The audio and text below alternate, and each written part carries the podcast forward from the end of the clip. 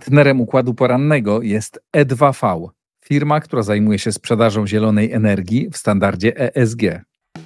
Ministerstwo Finansów nie przewiduje wprowadzenia w najbliższym czasie waluty euro. W całych Niemczech odbyły się demonstracje przeciwko rosnącej popularności alternatywy dla Niemiec. Szef dyplomacji Unii Europejskiej oskarżył Izrael o sfinansowanie Hamasu. Wykonywanie salutu rzymskiego we Włoszech może stać się legalne. Premier Słowacji twierdzi, że Ukraina powinna oddać Rosji część swojego terytorium. Iran umieścił satelitę 750 km od powierzchni Ziemi.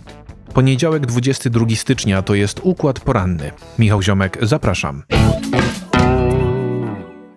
Ministerstwo Finansów nie widzi na razie możliwości przystąpienia Polski do strefy euro. Według resortu konieczne byłoby spełnienie jeszcze trzech wymogów stawianych przez Unię Europejską. Portal Business Insider zwrócił się do Ministerstwa Finansów o odpowiedź na pytania dotyczące możliwości przyjęcia nowej waluty.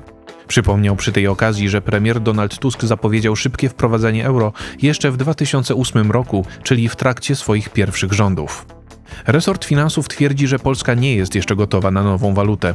Musiałaby spełnić wcześniejsze unijne kryteria w postaci stabilności cen, stóp procentowych oraz stabilności kursu walutowego. Polska gospodarka musiałaby też być przygotowana na zmiany, które przyjęcie euro wprowadziłoby w polityce pieniężnej i gospodarczej państwa. Ministerstwo kierowane przez Andrzeja Domańskiego ma monitorować regularnie możliwość spełnienia wspomnianych warunków.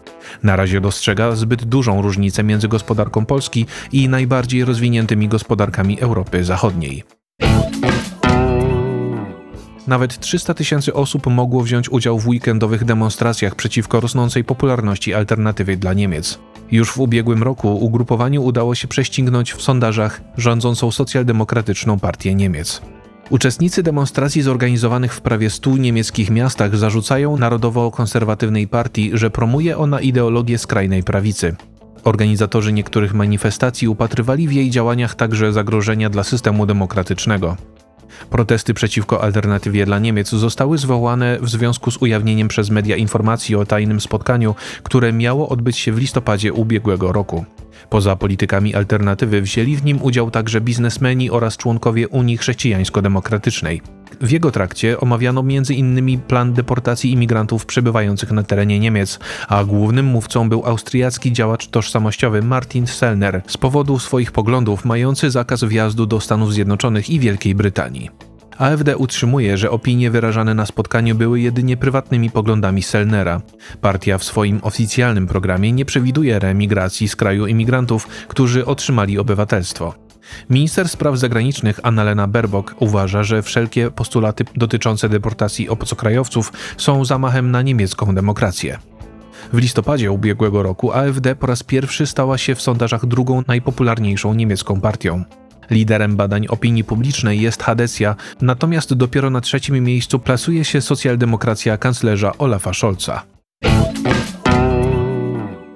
Wysoki przedstawiciel Unii Europejskiej do spraw zagranicznych i polityki bezpieczeństwa Josep Borrell zarzucił Izraelowi sfinansowanie Hamasu w celu osłabienia władz autonomii palestyńskiej. Szef unijnej dyplomacji wygłosił swoje opinie w przededniu wizyty izraelskiego ministra spraw zagranicznych Izraela Katza w Brukseli. Borei odniósł się do obecnej odsłony konfliktu izraelsko-palestyńskiego podczas odebrania tytułu doktora honoris causa Uniwersytetu Hiszpańskiej w Valladolid. W swoim przemówieniu zarzucił izraelskim władzom celowe finansowanie islamistycznego Hamasu, aby osłabił on wywodzące się ze świeckiego Fatahu władze autonomii palestyńskiej. Zdaniem szefa unijnej dyplomacji wspomniany konflikt można zakończyć jedynie poprzez rozwiązanie dwupaństwowe, bo Izraelczycy i Palestyńczycy już prawie 100 lat walczą o swoje ziemie. Najprawdopodobniej nie da się tego uczynić bez narzucenia planu pokojowego przez siły zewnętrzne. Portal Politico zauważa, że izraelski premier Benjamin Netanyahu wielokrotnie zaprzeczał oskarżeniom o finansowanie Hamasu. W reakcji na słowa Boreja, doradca Netanyahu Ofir Falk przypomniał o trzech dużych operacjach przeprowadzonych przeciwko palestyńskiemu ugrupowaniu pod rządami lidera Likudu. W tym tygodniu do Brukseli przyjedzie szef izraelskiej dyplomacji. Katz ma wziąć udział w spotkaniu ministrów spraw zagranicznych państw Unii Europejskiej, autonomii palestyńskiej i niektórych państw arabskich. Mają one dotyczyć trwającej wojny w strefie gazy, a w ich trakcie Komisja Europejska ma ogłosić nowe sankcje wymierzone w źródła finansowania Hamasu. Włoski Sąd Najwyższy orzekł, że wykonywanie salutu rzymskiego podczas demonstracji jest legalne. Używanie symbolu przejętego przez ruch faszystowski miałoby być złamaniem prawa tylko jeśli wiązałoby się z przemocą lub odbudową zdelegalizowanej Narodowej Partii Faszystowskiej. Sędziowie zajmowali się sprawą ośmiu członków organizacji Casa Pound Italia.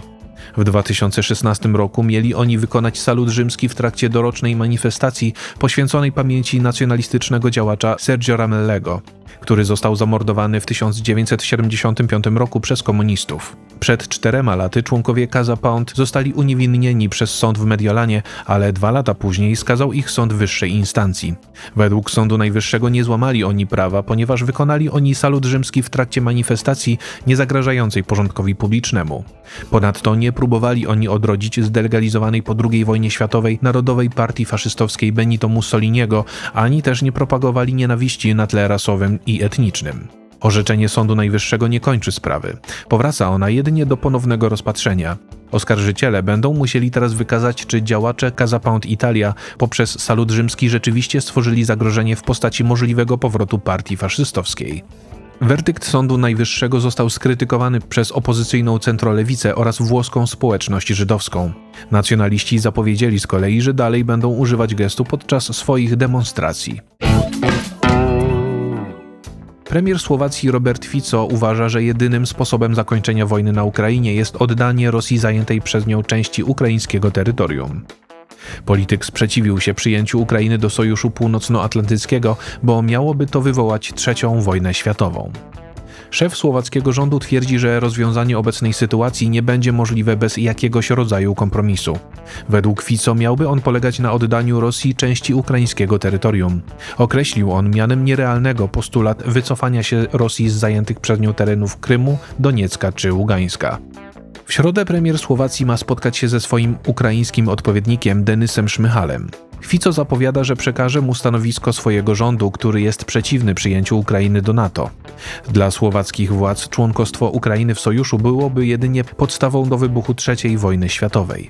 Lider Smeru w wywiadzie dla słowackiego nadawcy publicznego RTVS stwierdził, że w tej chwili Ukraina nie jest niepodległym i suwerennym państwem, ale znajduje się pod pełną kontrolą Stanów Zjednoczonych.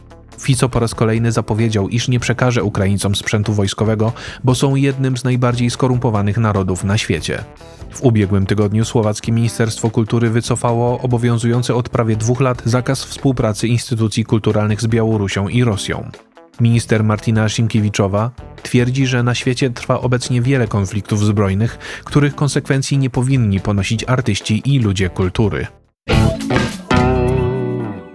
Iranowi udało się umieścić satelitę Soraya w odległości blisko 750 km od powierzchni Ziemi. Stany Zjednoczone uważają, że w ten sposób Irańczycy naruszyli rezolucję Rady Bezpieczeństwa Organizacji Narodów Zjednoczonych i dalej rozwijają swój program nuklearny.